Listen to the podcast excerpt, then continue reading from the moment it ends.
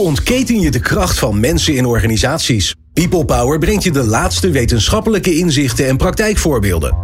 Over leiderschap en leren. Betrokkenheid en bevlogenheid. Inzetbaarheid en inclusie. Omdat mensen het verschil maken in jouw organisatie. People Power met Glen van der Burg. Gelijke behandeling. Het is vastgelegd in de wet en bijna iedereen in de maatschappij is eigenlijk wel voorstander. Maar het gaat niet goed. Vrouwen verdienen minder dan mannen. Mensen met een beperking hebben geen toegang tot de arbeidsmarkt. En je postcode betaalt, bepaalt voor een groot deel je toekomst en je inkomen. Wat zijn de mechanieken die achter die ongelijke behandeling zitten? En als we die begrijpen, wat kunnen we dan doen? Ik ga het vragen aan professor Joop Schippers, hoogleraar arbeidseconomie aan Universiteit Utrecht, Eva Jaspers, universitair hoofddocent sociologie Universiteit Utrecht en Joy Lodarmasse. Zij is manager diversiteit en inclusie bij Alliander. Fijn dat je luistert naar People Power. People Power met Glenn van den Burg. Joop, Eva en Joy, wat leuk dat jullie er zijn. Ja, een, een, ehm, een belangrijk onderwerp. We hebben het al, al best wel vaak over gehad, maar vandaag wil ik het echt hebben over wat er nou, wat er nou achter zit. Um, dus daar gaan we straks echt op focussen. Maar eerst toch nog maar even, um, waarom moeten we dit niet willen, Eva? Die ongelijke behandeling? Nou, om verschillende redenen. Er zijn eigenlijk twee hoofdredenen, denk ik. Enerzijds is het weinig efficiënt. Hè, wanneer we uh, talent onbenut laten of potentieel uh, niet aanboren, omdat we um, daar overheen kijken of daar uh, vooroordelen over hebben. En anderzijds omdat de meeste mensen het eigenlijk ook een een moreel principe vinden dat iedereen in principe gelijke kansen zou moeten krijgen. Zijn er nou mensen die er tegen zijn, tegen die gelijke kansen, als je het aan ze vraagt? Um, ja, er zijn mensen die vinden dat bepaalde groepen uh, uitgesloten zouden moeten worden van bepaalde functies. En dan gaat het over uh, bijvoorbeeld zeer religieuze mensen die vinden dat vrouwen niet zouden moeten werken. Of het kan gaan over mensen met zeer extreem racistische opvattingen ja. die vinden dat sommige maar dat zijn dus mensen met een extreme ander beeld van de wereld. Hè? Het gemiddelde. Ja, het gemiddelde. Eigenlijk vindt bijna iedereen dat, dat er gelijke kansen zouden moeten zijn. Ja, ja. Doe daar eens een inschatting van, want er is vast geen uh, hard percentage over te zeggen. Maar wat denk je ongeveer? Nou, zeker 90 procent. Ja, ja, oké. Dus eigenlijk is, is het geen issue dat, dat, het, dat het belangrijk is en dat we dit zouden moeten willen. Nee. Maar Hoe we dat bereiken, daar lopen de meningen sterk over. Ja, toch? Daar gaat het debat dan over. Ja. Um, Joop, effect van die ongelijke behandeling. Jij eh, bent gespecialiseerd in die arbeidsmarkt. Wat gaat er mis op die arbeidsmarkt omdat we elkaar niet gelijk behandelen wat we wel eigenlijk willen? Nou, er gaat eigenlijk heel veel mis. Uh, je noemde zelf net in de intro al de ongelijke behandeling van, uh, van mannen en vrouwen. We hebben bijvoorbeeld nog altijd, uh, hoe heet het, zwangerschapsdiscriminatie. Ik bedoel, we dachten dat we uh, in een land als Nederland, nou ja, dat zoiets toch eigenlijk niet meer zou voorkomen. Maar dat bestaat nog steeds, blijkt elke keer weer uit onderzoek. we hebben bijvoorbeeld... En wat is het effect dan van die zwangerschapsdiscriminatie?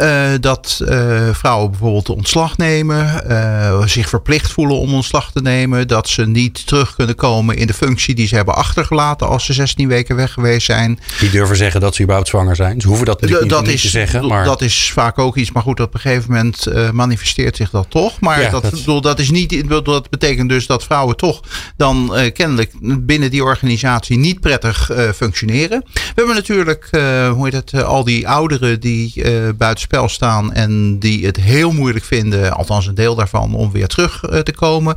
We kennen de verhalen over discriminatie bij uh, stages in het MBO van uh, met name mensen met een migratieachtergrond. En je ziet dan ook dat die vervolgens, uh, als ze de stage wel of de opleiding wel voltooid hebben, dat ze het ook moeilijk vinden om een baan te vinden. die groepen, er zitten allemaal verschillen tussen, maar twee keer zo vaak werkloos als het over jongeren gaat. Dus je, ja, je ziet het eigenlijk op allerlei terreinen, voor allerlei verschillende groepen zie je het terug. En bijvoorbeeld mensen met een beperking, waarvan we ook uh, al heel lang tegen elkaar zeggen in deze samenleving: van die mensen moeten gewoon mee kunnen doen. Uh, dan lukt het ook niet. En dat is niet alleen maar bij commerciële bedrijven, maar dat is bijvoorbeeld ook bij overheidsorganisaties. Juist, om die mensen ja. uh, daadwerkelijk binnenboord te halen. Ja. ja, en wat ik zelf eerlijk gezegd echt, een, uh, als je het dan hebt over gelijke behandeling, maar ook over gelijke kansen. Dat zo shocking vind dan dat waar je geboren wordt. Hè, volgens mij hebben we het idee in Nederland. We hebben het zo georganiseerd dat iedereen die zijn best doet, iets kan worden wat hij wil worden. Maar dat is gewoon helemaal niet zo. Hè? Als jij in een postcode geboren wordt waar, uh, uh, nou ja, waar je zeg maar minder kansen hebt dan anderen, dan, dan, dan is het heel lastig om daaruit te komen. Dat vond ik echt shocking toen ik daarover hoorde. Ik denk, ja, het kan toch niet waar zijn in Nederland? Ja, noem mij uw postcodegebied en ik zal u zeggen wat u wordt. Ja, ja. Zo erg is het dus. Bedoel, dat was vroeger uh, als je in een bepaalde stand geboren werd. Ja, bedoel, als je voor een dubbeltje geboren wordt. Ja, ja, nou ja, daar komt dat spreekwoord natuurlijk ja. ook, uh, ook vandaan. Bedoel, en we hebben dat in Nederland een hele tijd uh, weten, ja, weten bij te buigen. in de tijd dat het onderwijs nog in heel sterke mate voor verheffing zorgde. bedoel, en dat, dat is met name iets van de jaren 70 en 80. En je ziet dat steeds meer toch eigenlijk, en dat komt ook in allerlei rapportages, komt dat naar voren uh, dat, uh, ja, dat niet meer zo werkt. En dat uh, onder andere ook door de rol die ouders daarbij spelen. proberen het onderwijs te beïnvloeden. Maar ook wel de vooroordelen die er bij onderwijsgevenden bestaan. Vroeger had je van je bent een meisje, dus je zal wel niet goed zijn in wiskunde. Ja. en tegenwoordig is het zo van nou, je, je ouders of je grootouders die komen uit Turkije of uit, uit Marokko nou, dus dan kun je maar beter iets met je handen gaan doen. Ja. Terwijl dat natuurlijk eigenlijk uh, helemaal niet nodig is of hoeft te zijn. Ja. Nou, laten wij nou eens op zoek gaan. Hè, want je kan er natuurlijk van alles en nog wat aan doen. En, en, en vaak gaat het, ook, het debat ook over. Ja, maar ik discrimineer niet. Hè, dus laten we eens met elkaar op zoek gaan naar. Wat zit er dan eigenlijk achter? Dus hoe zitten wij nou als mensen, als samenleving in elkaar, waardoor dit zo'n hardnekkig probleem blijft? Nou, even dan kijk jou betekenisvol aan. Help ons. Um, er zijn uh, verschillende mechanismen, maar een van de belangrijkste is dat we eigenlijk de hele samenleving hebben ingericht. De hele structuren hebben ingericht met een bepaald profiel als uitgangspositie. En dat is eigenlijk een hetero-witte man met een uh, vrouw die niet werkt of misschien een beetje werkt en die kinderen heeft. Ja. En dat betekent dat op heel veel verschillende terreinen verwachten we dat dit de norm is. En zo geven we ons beleid vorm. Um, maar zo verwachten we ook dat de ideale werknemer eruit ziet. Ja, en, en voor iedereen die nu denkt. Eh, dat, is net, dat is toch niet meer zo? Geef eens een concreet voorbeeld wat we dan zo Een concreet voorbeeld van mijn, van mijn, uit mijn eigen werkkring van de universiteit. Waar dat, hè, dus ongeveer de meest vooruitstrevende progressieve werkkring die je kunt bedenken. En dan denk ik, nou, ik heb, moet regelmatig uh, naar een andere universiteit of naar het buitenland. Dan heb ik een congres. Dan kan ik wel daar uit eten of uh, golfen desnoods. En daar een dure fles wijn bij uh, opentrekken. En dat declareren bij mijn werkgever. Want dat mag. Maar niet de oppas voor mijn kinderen. Als alleenstaande ouder. Um, en terwijl die... Ja, en dus is het voor jou lastig om dat te doen. Nou ja, het kost mij dus extra geld en ik moet oppas inschakelen. Maar je hebt dus, zeg maar, dat, dat beleid gaat ervan uit dat er iemand thuis is die voor de kinderen zorgt. En dat is, is dus privé. Terwijl die dure fles wijn bij het eten, dat is blijkbaar niet. Geen enkel probleem. Nee. nee. En dus het, het zit vaak in dit soort kleine dingen. Hè? Maar omdat, het, omdat we allemaal vanuit zo'n impliciet beeld redeneren van zo zit het in elkaar. Um, als er luizenmoeders worden gezocht op school. Het heet niet voor niks luizenmoeders. Hè, er worden nog steeds de moeders aangesproken. Ja, dan maken we ook nog een serie die zo heet. Ja, ja dat dus bevestigt dus op heel veel, heel kleine terreinen. Op heel veel, heel veel terreinen zijn er van die beelden die dan. Uh, ja, ons beleid bepalen. En daar, daar zijn we blind voor zelf. Hè. Dat is niet met opzet. Het is niet dat iemand denkt: oh, we moeten um, moeders uitsluiten. Helemaal niet. Maar dat beleid is er ooit gekomen vanuit een bepaald idee over hoe, wat die werknemer nodig heeft. En dat is niet aangepast. Oké, dus het zijn dingen die we zo georganiseerd hebben, waarvan je, uh, die je eigenlijk, uh, die je pas tegenkomt op het moment dat je inderdaad een alleenstaande man of vrouw bent. Dat je denkt, ja, en waar haal ik dan, uh, hoe zorg ik dat ik, dat mijn kinderen ook verzorgd zijn als ik, als ik weg ben, om als voorbeeld te geven. Het is taal, hè, de luize moeder. En eentje waar ik al jarenlang uh, tegen te hoop loop, de vakman. Hè? Dus dat noem ik tegenwoordig de vakmens. Uh, en dan kijken mensen je raar aan. Dan zeggen ze, wat is dat dan? Ik zeg, nou, dat is een vakman en een vakvrouw. En nou, iedereen die er nog bij hoort. Want het zijn namelijk allemaal mensen. Dan, oh ja, het is dus hetzelfde als een vakman. Ik zeg, nee, dat, je, je vergeet de helft. Meer dan de helft. Um, dus het zit in taal. Joy, volgens mij zijn jullie binnen Alliander ook hiermee bezig. Hè? Dus, dus uh, sowieso natuurlijk, want je bent manager diversiteit en inclusie. dus ben je er sowieso heel erg mee bezig. Ja. Maar ook met die mechanieken hè, die eronder zitten. Ja, hoe, maken jullie, hoe, hoe zijn jullie daarmee bezig? Nou, ik, waar ik direct aan terugdacht is, we hebben in 2016 intern onderzoek gedaan, een actieonderzoek van wat moet Alliander doen om jonge vrouwen met ambitie en potentie te laten, nou, op zijn minst te behouden en te laten doorgroeien, want we zagen het verloop groter. En wat wij toen merkten, dat sluit heel erg aan bij het verhaal van Eva, is dat wij bijvoorbeeld als organisatie helemaal geen rituelen hadden uh, als je terugkomt naar verlof. Dus dat kan zijn als vader of moeder. En een prachtige anekdote was, een van onze managers kwam terug op maandagochtend. Daar was geen aandacht voor. Gelijk uh, papier onder de neus met allemaal rode en zwarte cijfers. Leg me eens uit wat er gebeurd is. Zij dacht, wow, ik ben net terug. Dag één, ja, ja. Zullen we nog even het beschuit met muisjes eten? Maar het mooie was dat in haar beoordelingsgesprek... Um, zei haar manager met echt alle goede bedoelingen... maar dit is zo heel mooi anekdotisch... Uh, oh ja, en ik wil nog even zeggen, je bent afgelopen jaar moeder geworden. Daar wil ik je nog even een compliment voor geven, want daar hebben we helemaal niks van gemerkt. en dat is natuurlijk. Dus dat is, ja, dat is dan dat de, is de, norm. norm. Als de we norm daar is... niks van merken. En zij was heel assertief, dus ze zei heel snel: Ik had het persoonlijk heel prettig gevonden als we daar af en toe even bij stil hadden gestaan. Van hé, hey, hoe gaat het met je? Red je het allemaal een beetje? Ja. En dus dat, dat, dat ouderschap ook gewoon op het werk besproken mag worden. En dat we het dan met elkaar over hebben. Hoe doen we dat nou met elkaar? Ik denk dat dat in de loop der tijd wel aan het schuiven is. Maar er is nog heel veel werk te doen. Dus Eva, zit daar dan een mechaniek achter? Het oude mechaniek, werk en privé, dat zijn twee losse dingen? Nou, werk en privé zijn uh, voor iedereen gescheiden, behalve voor degene die aan de norm voldoet. Dus um, wat je ziet is dat degene die aan de norm voldoet, mag op het werk vertellen over zijn weekend. En dan vindt niemand dat een privézaak. Maar als ik een andere seksuele oriëntatie heb en daar in het weekend uh, mee bezig ben geweest. Of als ik in het weekend een, um, een islamitisch feest heb gevierd. Dan wordt dat ineens als een privézaak gezien. Dan is het niet de bedoeling dat je het deelt Aha. op het werk. En dat betekent dat je ook als werknemer dan minder uh, binding krijgt met je collega's. Hè. Je houdt toch een deel van jezelf achter. Van, nou, je, je vertelt alleen datgene van je weekend wat aansluit bij die dominante identiteit. Um, en en collega's kunnen dan ook denken, nou ja, wat een, ja, wat een, een beetje een, een, een persoon, een beetje, ja, een beetje wantrouwen kweken. Hè, van, Onge die vinden dat ongemakkelijk of ja. zo dan worden. Nou ja, ja. Wielrennen op zondagochtend, daar kunnen we twintig minuten tijd aan besteden in het werkoverleg. En dan gaan we over tot. ja. ja. Dan gaan we het over het werk hebben. Maar, ja. Uh, ja. Dus, grappig. Nou ja, gra ja. Is, ja, dat is een raar woord misschien, maar dat, zo zitten wij dus blijkbaar in elkaar. Maar zie je dat dan ook? Hè? Want dit is dan uh, uh, ik kan me bij Joy voorstellen, een, uh, een mannengroep en misschien wat minder vrouwen. En dan ja, één is zo goed en blij dat ze, dat ze moeder wordt. En haar partner waarschijnlijk ook vader of ook moeder, dat kan natuurlijk ook. Um, en dus is dat dan geen thema. Maar als, stel je voor deze situatie, die is een beetje hypothetisch. Maar stel je voor dat deze situatie zich plaatsvindt in een totale vrouwenomgeving. Is het dan, is het dan een, een andere boodschap? Wordt er anders mee omgegaan? Kan het er dan wel over gaan? Um, nou, ja, dat is iets wat ik altijd uh, heel erg moet benadrukken. Is, er is geen complot van witte mannen gaande. Nee, nee, nee. Dus nee maar daarom is, zoek ik hem ook op. Ja. ja. um, het, en we doen het allemaal. Dus het is niet iets dat alleen uh, mannen doen of alleen witte mensen. Dus we ja. hebben allemaal diezelfde normatieve beelden in. Daar zijn we mee opgegroeid, daar zijn we mee opgevoed. En sommigen hebben het iets meer dan anderen.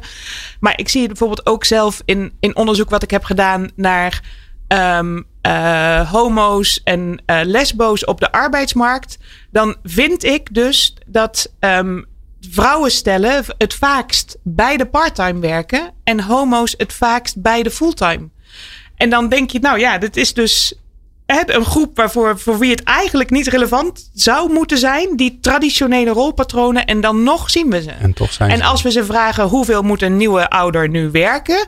Dan zijn ze weliswaar uh, progressiever dan de gemiddelde Nederlander. Maar dan nog zeggen ook zij. Ja, nieuwe vaders vier dagen. Nieuwe moeders drie dagen.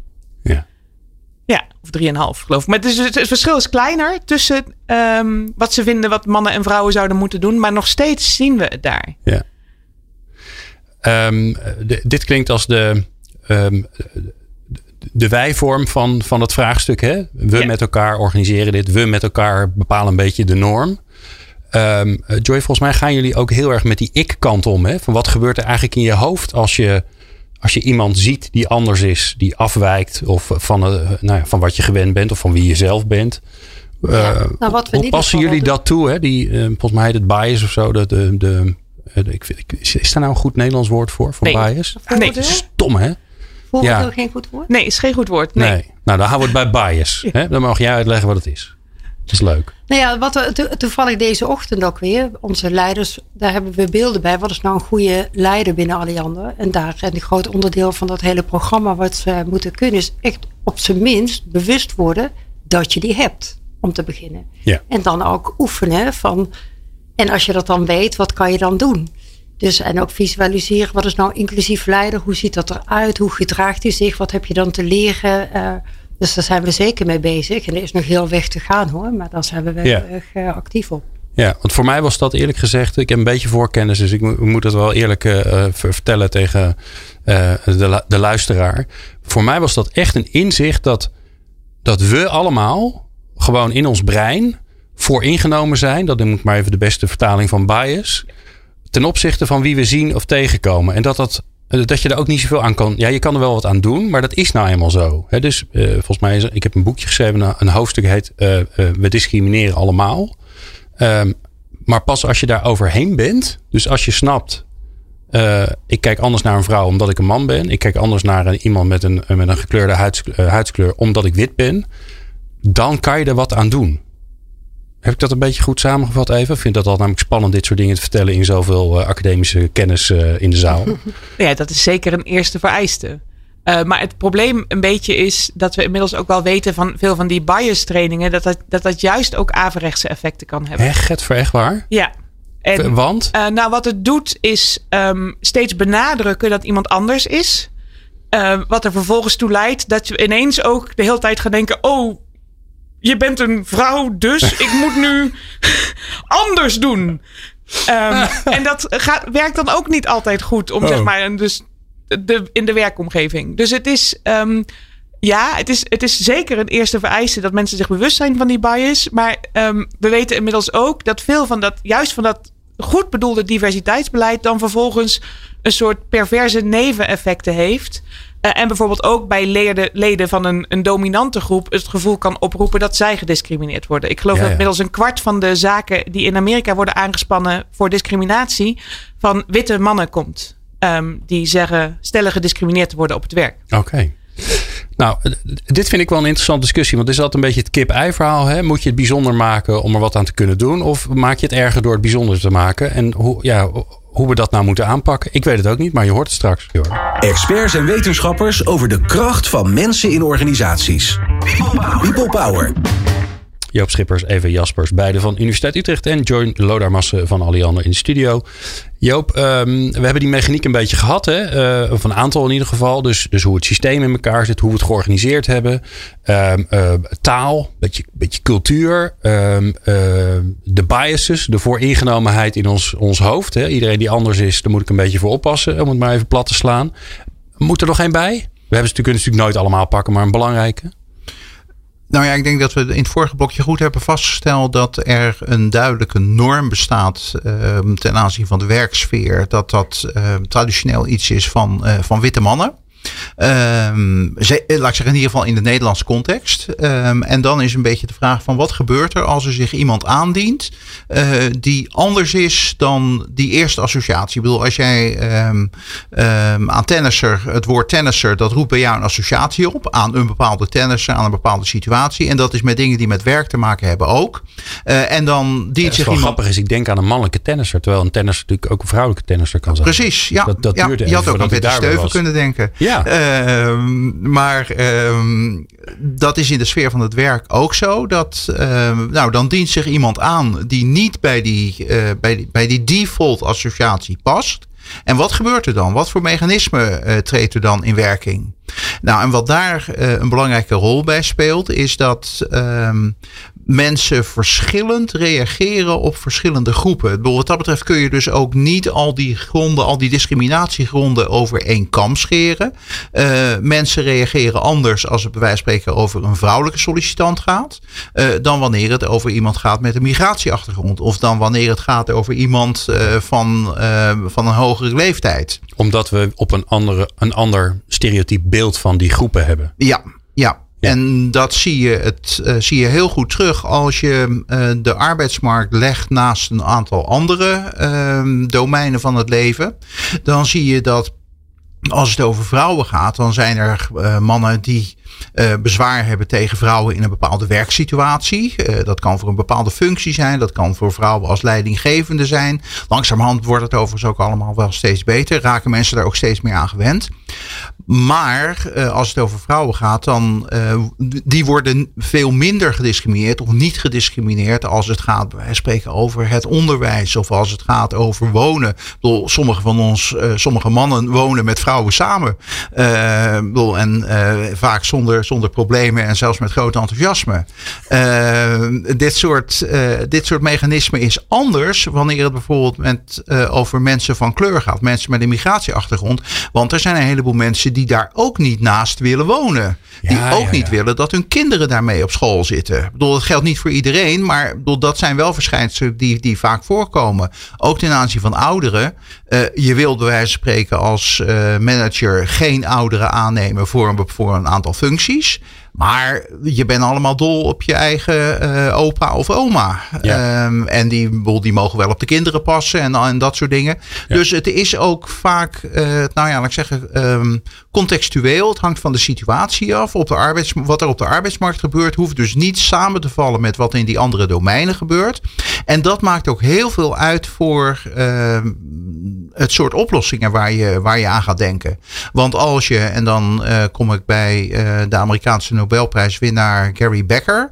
Uh, die heeft een theorie ontworpen dat op de arbeidsmarkt ten aanzien van met name mensen met een migratieachtergrond erg speelt het mechanisme van een hekel hebben aan je wilt ze niet in het werk, maar je wilt ook niet dat ze op dezelfde school als je kinderen zitten en je wilt niet in dezelfde buurt wonen. Dat is een heel ander mechanisme dan um, wat uh, een andere Nobelprijswinnaar uh, Edmund Phelps bedacht heeft. En wat gaat over, dat heet statistische discriminatie. En dat is het soort ervaringen wat je met bepaalde mensen hebt. Stel, je hebt de ervaring, en ik hoop dat ik nu geen enkele luisteraar beledig, dat uh, mensen met geel haar of paars haar, dat die ehm, trager werken, minder productief zijn dan mensen met blond haar en zwart haar. Dan ga jij de volgende keer ga je niet iemand met uh, geel of paars haar aannemen. En nee. dat blijf je dan continueren. Niet omdat je een hekel hebt aan die mensen, maar omdat je de ervaring hebt dat die minder hard werken. En deze verschillende situaties van discrimineer je omdat je een hekel hebt aan of discrimineer je omdat je verwacht dat mensen uh, slechter zullen presteren, dat leidt dus ook tot heel andersoortige maatregelen die je zou moeten nemen. Ja. En daar komt dan nog iets bij. Je hebt nog een, een, derde mogelijkheid. En dat is dat je denkt, nou, ik vind eigenlijk mensen met paars haar, om even hetzelfde voorbeeld te blijven, prima als werkgever. Maar ik weet dat mijn klanten het niet prettig mm. vinden als die hier bediend worden door iemand met paars haar. Of als er iemand met paars haar aan de deur staat om de meter te komen controleren. Ja.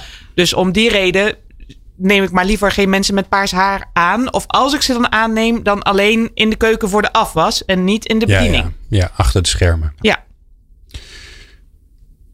Vind dat, uh, maar dat zou je snappen waarschijnlijk, Joop. Het klinkt zo heftig dat, hè, dat we.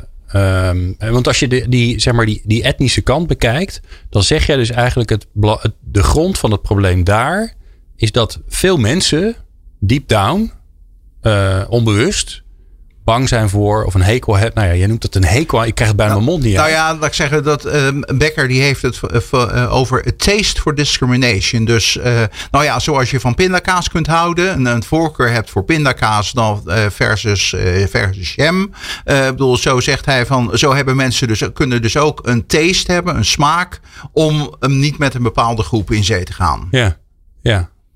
En, Goed, en dat is wel natuurlijk zo'n hele uitgesproken expliciete smaak. die zien we wel afnemen. Nee, precies. Ik bedoel, dit heeft ook een beetje te maken met, uh, nou ja, laat ik zeggen, dus de samenleving als geheel. Ik bedoel, in. in uh, maar dit vind ik wel grappig even, want als je zeg maar kijkt naar de uitingsvormen. Naar naar de, de, een aantal politieke partijen aan de rechterkant die redelijk uitgesproken zijn over dingen als eh, islamisering en, uh, en golven en nou ja, allerlei ingewikkelde beeldspraken waar ik, ik kriebel en, en, en buikpijn van krijg. Toch zeg jij, het neemt af. Dat hoor je nooit. Um, nee, maar toch is dat zo. Dus de, de, de, veel van de mechanismen blijven hetzelfde. Eh, maar um, het, het wordt meer verdoezeld. En de echt, ik, ik, herinner me, nou goed, dat herinner ik me eigenlijk nauwelijks. Maar ik heb het nog wel eens teruggehoord. Een interview met uh, Jan Maat in de jaren tachtig. Waarin hij zijn horror uitspreekt bij het idee dat hij straks in de trein zijn kaartje zou moeten laten zien aan een Surinamer. Oh, ja. En dat we nu denken, ja, dat is, dat is nu al gewoon door mensen met een migratieachtergrond controleren ook onze kaartjes. Of ehm, roepen onze namen om in het ziekenhuis. Dus dat um, in die zin verschuift de samenleving wel. En, en zijn er veel minder mensen die. Of zijn er het idee dat je dat een probleem zou vinden. Dat, dat staat heel ver van veel van ons af. Dus um, uh, ja, er zijn wel degelijk is er een, een groep die, die roept. Um, en uh, die is misschien ook wel groeiende, maar tegelijkertijd zien we eigenlijk in de samenleving als geheel dat het draagvlak daarvoor juist vermindert. Ja, nou mooi. Ja, dat dus, moeten we, moeten we goed, vaker die vertellen. andere mechanismen die, uh, die, uh, die spelen veel minder bewust een rol. Ja. En die zijn daardoor soms misschien nog wel lastiger te Hardnekkiger. Ja. ja. En, een en dat gaat ook heel langzaam. Ja. Ja, maar Joop, jij zegt dus, omdat, het een, omdat het de, de bron, de oorzaak van de ongelijke behandeling anders is, moet je ook anders mee omgaan. Ja. Nou, dus laten we eens even beginnen bij, die, bij het rotwoord hekel. dat je dus vanuit, ik wil daar niet in de buurt wonen, ik wil niet dat mijn kind bij is in de klas zitten. Nou ja, die beelden, die, iedereen snapt volgens mij waar we het over hebben. Hoe ga je daar dan mee om? Nou ja, Hoe daar, los je dat op? Daar, Hoe lossen we dat op? Hè? Maar laten we daar zul je toch al heel snel uh, met, uh, met dwang en boetes uh, enzovoorts moeten gaan werken. om dat ook daadwerkelijk voor elkaar te krijgen. Ja. Kijk, in die andere situatie. Maar het begint natuurlijk al bij het feit dat, dat het ons tot nu toe nog niet gelukt is om nou heel veel gemeente klassen te hebben. Nee, maar dat, nou ja, bedoel, ook daar zie je natuurlijk dat dat, dat ook gaandeweg, uh, gaandeweg toeneemt. Uh, bedoel, er zijn tegenwoordig uh, heel veel meer gemengde scholen dan dat er vroeger waren. Bedoel, en in de grote steden van dit land, in het MBO, bedoel, daar zijn de klassen echt 50-50, zo niet.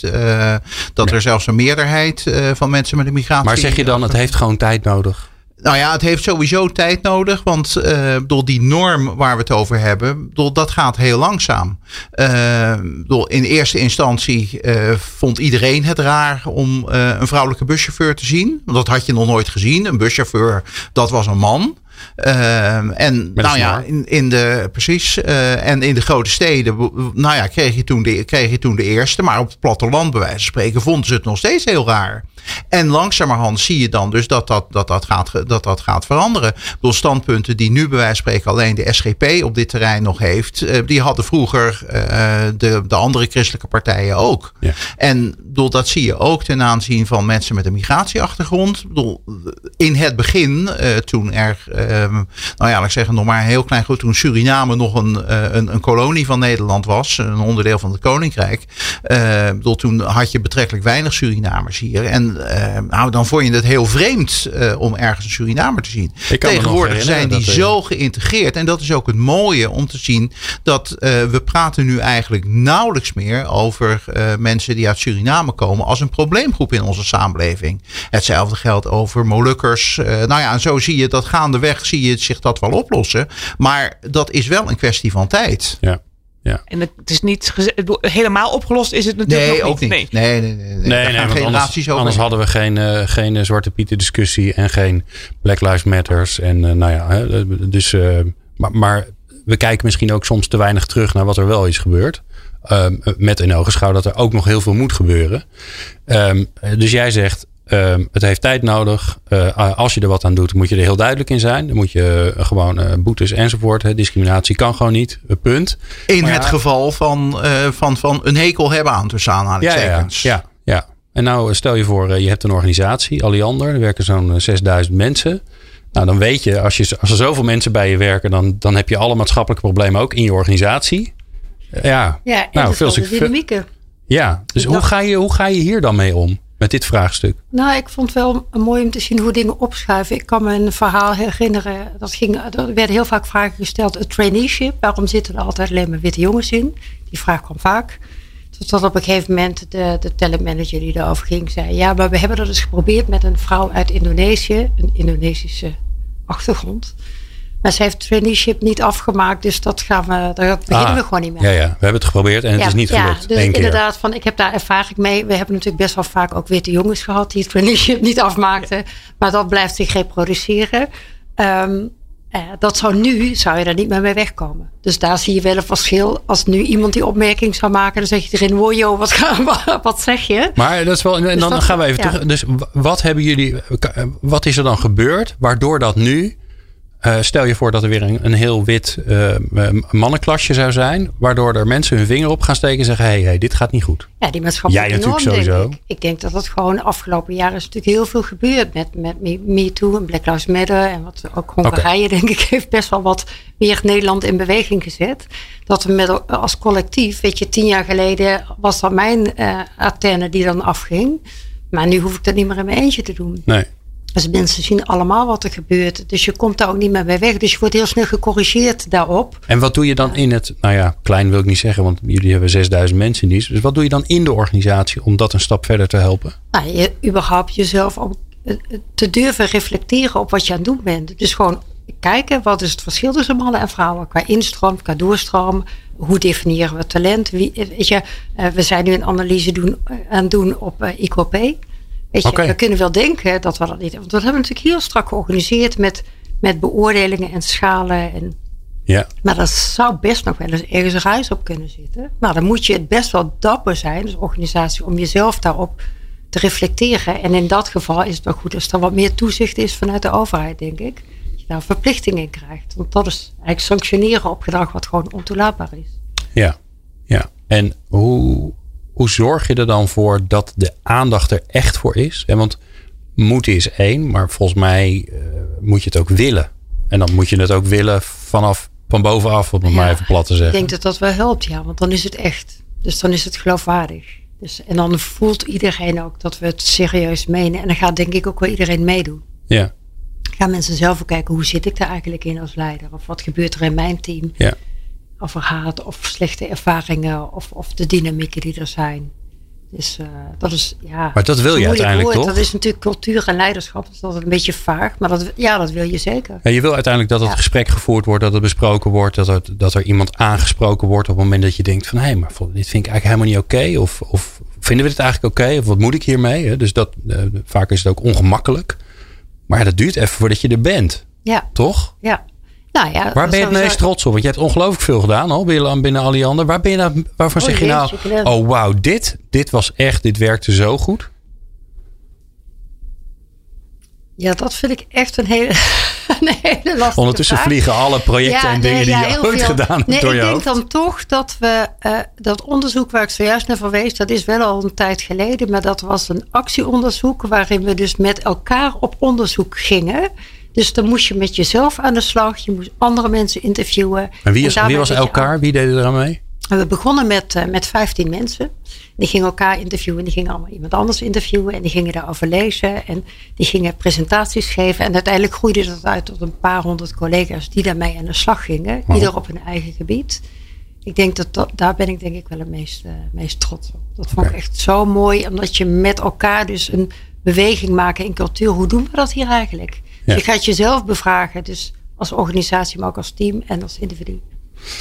Mooi. Uh, straks nog meer, veel meer daarvan. Namelijk, uh, ik wil onze luisteraars naar huis sturen. Of naar huis. Misschien zijn ze wel weg naar huis. Dus dan zijn ze er al bijna. Dat kan natuurlijk ook.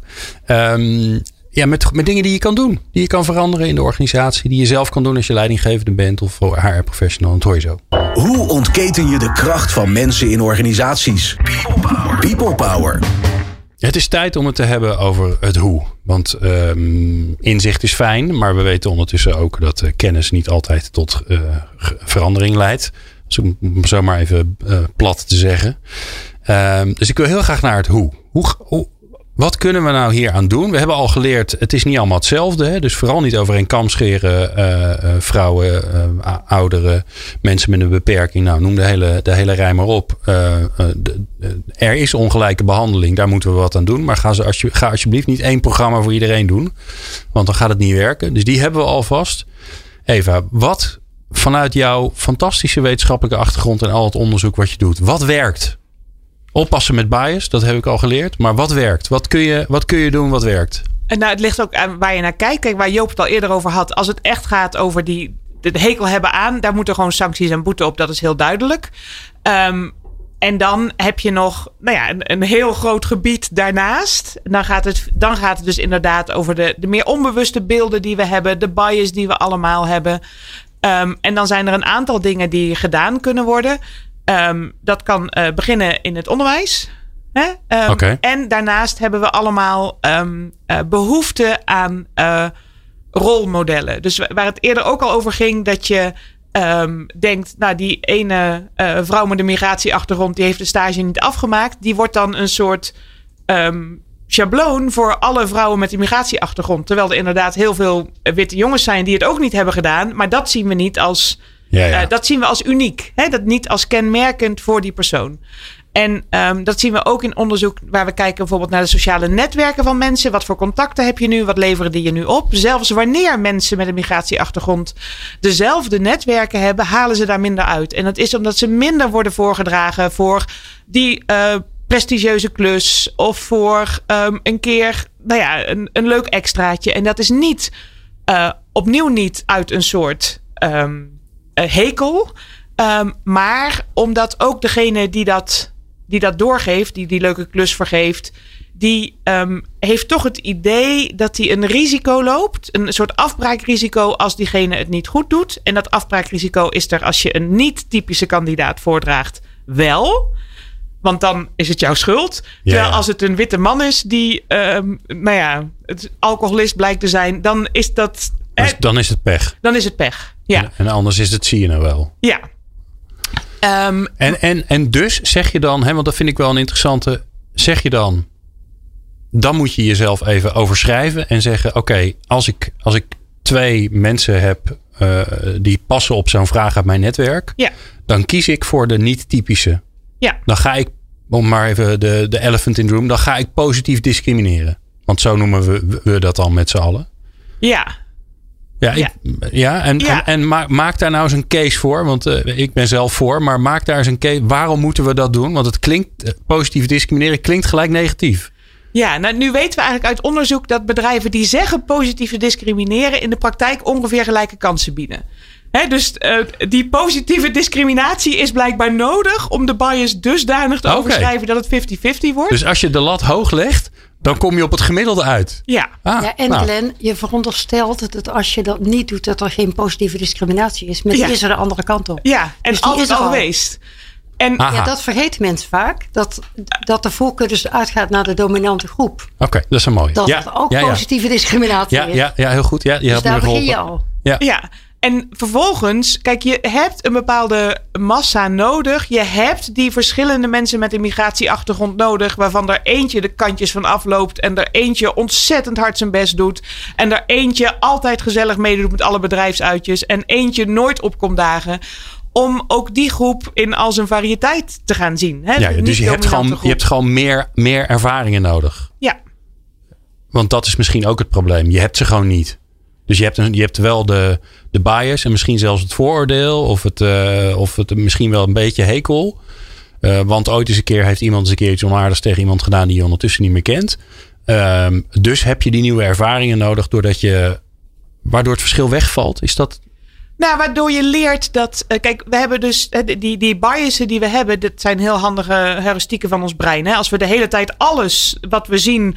Uh, moet, moeten bepalen. Oké, okay, is dit een stoel en kan ik hierop zitten? Nee, dat doen we niet. We zien gewoon stoel. Ja. Hè, dus dat is een, een handige functie van ons brein. Dat we niet meer elke situatie apart hoeven te beoordelen. Maar wat er dus gebeurt als je maar heel weinig ervaringen hebt met een bepaalde groep.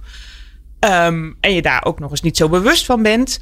Dat je ehm, die ervaring die je hebt over één kam scheert. Terwijl we allemaal heel veel ervaringen hebben met ehm, witte mannen. Ehm, want die zijn overal.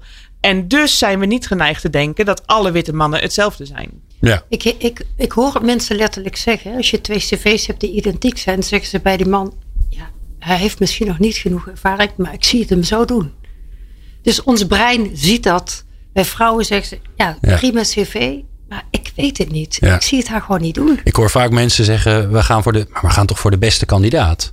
En ik vraag dan: en hoe weet je dan dat het de beste is? En dan blijft het stil. Want daar is, de beste bestaat namelijk helemaal niet. Ja, dat is heel moeilijk. En Ja. vooral, ik zie het hem niet doen of ik zie het haar niet doen. Dat is dus omdat we dat nog niet zo vaak gezien hebben. Voelt dat Ja. als risico en dus niet doen. Ja, mooi. Joy, je bent toch lekker bezig. Ehm, ik word morgen wakker.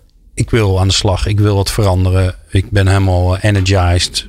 Maar ik wil wel eh, iets doen wat nuttig, eh, nuttig is. Wat adviseer je? Oh ja, dat is een hele leuke. Daar heb ik al een paar keer die tip gegeven aan collega's. En blijkt echt te werken. En misschien kunnen jullie het beamen. Doe even een trucje, een, leuke eh, raadsel of een opdrachtje waarin je out of the box moet denken. Dat zet je brein open.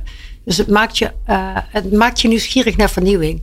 Dus dat zorgt ook dat in een gesprek waarin iemand binnenkomt die niet voldoet aan het profiel, dat je denkt: hé, hey, dat is helemaal niet wat ik verwachtte. Ik ben eigenlijk wel nieuwsgierig. Oké, Je dus, dus voordat je, brein iemand. openzet. Dus niet in de, in de automatische piloot van de efficiency, maar in de, in de openheid van wat valt hier allemaal nog te ontdekken. ah, dus je, je programmeert je eigenlijk voor eh, om op zoek te gaan naar nieuw. ja, bij een sollicitatiegesprek, voor je gesprek ingaat, zou dat Oh. mijn Ja. tip zijn. Joop? Zet je brein open. Joop, en dan eh, even de, de wetenschappelijke staving hiervan. Is dat handig? Of zeg je nou, eh, Ja, nee, dit, is, eh, dit, dit kan buitengewoon, eh buitengewoon behulpzaam zijn. Dan nog blijft overigens de vraag van hoe je, gaat, hoe je dit gaat concretiseren. Ehm, en eh, nou ja, wat we daar toch zien dat heel goed werkt, dat is als organisaties met zichzelf afspraken maken over van ik heb nu bij wijze van spreken eh 23% vrouwen in de top en ik wil volgend jaar of over twee jaar wil ik naar 25% of naar 27%. Gewoon en dat dan target. eh, Precies, en dat dan, eh, hoe heet het, ook publiek bekendmaken en dat eh, door een externe club laten monitoren. Aanstaande vrijdag wordt weer de monitor van talent naar de top gepresenteerd. ja. En dan zie je dat de bedrijven die daarbij aangesloten zijn, dat die er inderdaad door elk jaar met zichzelf of elke twee jaar met zichzelf nieuwe afspraken op dit terrein te maken, dat die het ook beter doen dan alle andere organisaties in Nederland.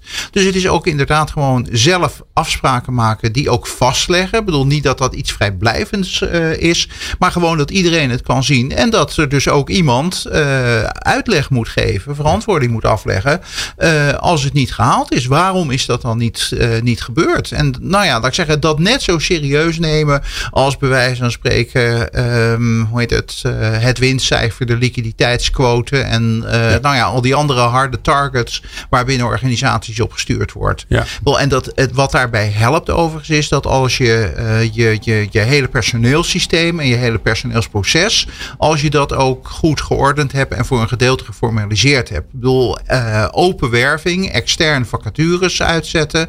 Eh, bedoel, dan hebben er ook meer mensen, ook onverwachte mensen, kans om te reageren. Als je het al- allemaal regelt op de vrijdagmiddagborrel, Ja, als ja. dadelijk weer terugkomt. Of via je eigen LinkedIn-netwerk. Precies, Ja. dan, eh, ja, dan, dan, werkt het, dan werkt het toch anders. Hetzelfde is eh, zorgen dat er, eh, wij spreken altijd ook eh, een, een, twee vrouwen in de sollicitatiecommissie zitten. eh, zodat het dan toch weer niet stiekem een, een van mannen kan worden. Nou, zo zijn er eigenlijk een hele reeks van dat soort punten. Ik bedoel, en daar zijn weer rapporten over volgeschreven door de jaren heen. waarvan je kunt zeggen, als je dat nou systematisch allemaal doet en vooral ook blijft doen. Want je ziet dat heel veel organisaties die doen dat wel een keer en dan hebben ze een project. En ja, dan na twee jaar is de wereld nog niet verbeterd. Eh, en dan zeggen ze, nou, werkt toch niet hoor. Ik, we houden er maar weer mee op. Ja, nee, volhouden. Dat geldt overigens ook voor Ja, overheidsbeleid. volhouden.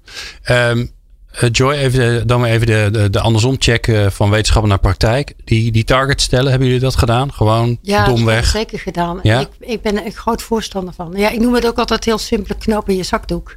Het is jezelf uitdagen. Ik heb die belofte gemaakt. Ik zorg dat ik het niet vergeet. Ieder jaar komt hij terug. Bij ons komt hij zelfs iedere maand terug. Want je hebt gewoon een, je maandrapportage. En dan zie je waar je staat als afdeling. En dan weet je ook wat je kunt doen. Ja, en dan zit je gelijk. Dat is natuurlijk het mooie van die KPI's. Verder eh, hebben heel veel mensen er een hekel aan. Maar in dit geval, het voordeel ervan is, je, je komt vanzelf in de, in de meetings, in de besprekingen. Uh, op de op de één op één gesprekken. Waarbij uh, toch iemand tegen je gaat zeggen van joh, dit hadden we afgesproken. Dat gaat niet helemaal goed. Dan moet je nog even een beetje energie in stoppen. Dus ik ben er ook voor. En quota ben ik ook veel voor. Of het nou werkt of niet, hè, dan uh, volgens mij werkt het wel. Ook dat zie je dat dat dus inderdaad werkt. Ja, en dat geldt ook opdrachten aan bijvoorbeeld searchbureaus. Uh, van uh, jongens, wij willen een lijstje wat voor tenminste voor de helft uit vrouwen bestaat. En als je die opdracht meegeeft, ja, dan doen ze dat ook. Of ze zeggen van nou nee, is voor ons niet te realiseren. Maar dan is er wel een ander bureau ja. wat dat wil doen. Ja, en ik heb nog een tip voor iedereen die aan het luisteren is. En die denkt, ja, ik vind het ook belangrijk. Maar ik heb, ik, ik heb niet zoveel invloed. Of die denkt dat je niet zoveel invloed hebt. Wat ik zelf merk, want ik had laatst ook een bijeenkomst uh, die ik mocht voorzitten. En daar waren alleen maar mannen. Dus ik heb vooraf en achteraf uh, gezegd van ja, weet je, voor deze keer oké, maar dit kan natuurlijk niet hè.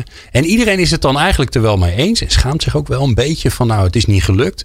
Maar ze komen wel in actie. Maar je moet het wel even volhouden. Het is wel mooi dat je nieuw ongemak is binnenbrengt. Hè? Dus nu ja. is er ander ongemak. Ja, maar ja, maar dit is ongemak voor anderen. Daar ben ik ja. beter in dan ongemak voor mezelf. Daar moet ik ook eerlijk in zijn.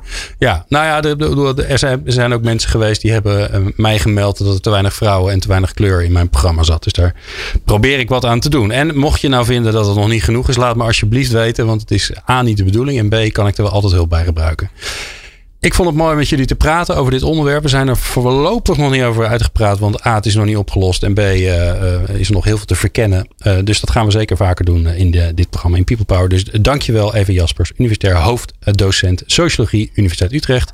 Joop Schippers, hoogleraar arbeidseconomie aan de Universiteit Utrecht. En Joy Laudermaster, dankjewel voor het binnenbrengen van praktijk en heel veel ervaring. Manager diversiteit en inclusie bij Alliander.